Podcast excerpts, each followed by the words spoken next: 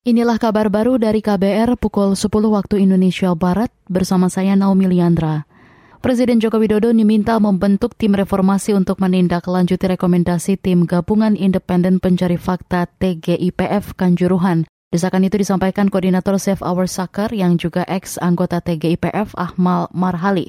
Menurutnya tim reformasi perlu segera dibentuk lantaran penanganan kasus Kanjuruhan tak kunjung menemui titik terang. Bahkan salah satu tersangka ex-dirut PT Liga Indonesia Baru LIB Hadian Lukita bebas dari tahanan karena berkas penuntutannya tidak lengkap. Nah, proses yang menggantung ini yang menggambarkan betapa buruknya kinerja para penyidik kita dalam hal ini kepolisian. Maka perlu segera pemerintah misalnya mengeluarkan peraturan pengganti undang-undang atau mengeluarkan kepres untuk membentuk tim penyidik independen sehingga hmm. kemudian proses penyidikannya bisa lebih cepat dan lebih profesional. Gitu. Karena agak sulit kelihatannya penyidik dari kepolisian untuk kemudian juga menyidik polisi.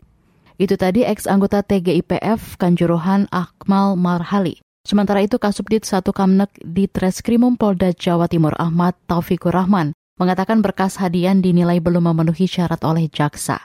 Dia memastikan akan segera memperbaiki dan melengkapinya. Untuk lima tersangka lainnya sudah dilimpahkan ke kejaksaan dan segera menjalani tuntutan. Satgas Penanganan COVID-19 mengimbau masyarakat mewaspadai tren kenaikan kasus COVID-19 di sejumlah negara. Juri bicara Satgas COVID-19 Wiku Adhisa Smito mengatakan ada lima negara yang mengalami kenaikan kasus dalam beberapa waktu terakhir, di antaranya Jepang, Korea Selatan, Australia, Jerman, dan China. Kelima negara ini masih mengalami penambahan kasus positif rata-rata sekitar 16.000 sampai 142.000 kasus setiap harinya. Dua negara lainnya yaitu Singapura dan Thailand terlihat stabil di angka 8.000 dan 3.000 kasus mingguan.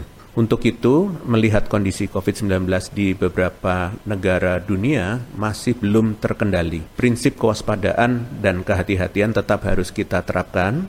Juri bicara Satgas COVID-19 Wiku Adhisa Smito Masyarakat perlu waspada meski tren kasus dalam negeri kini tengah melandai. Menurut Wiku, potensi kenaikan kasus biasanya terjadi di akhir tahun saat aktivitas masyarakat yang makin meningkat.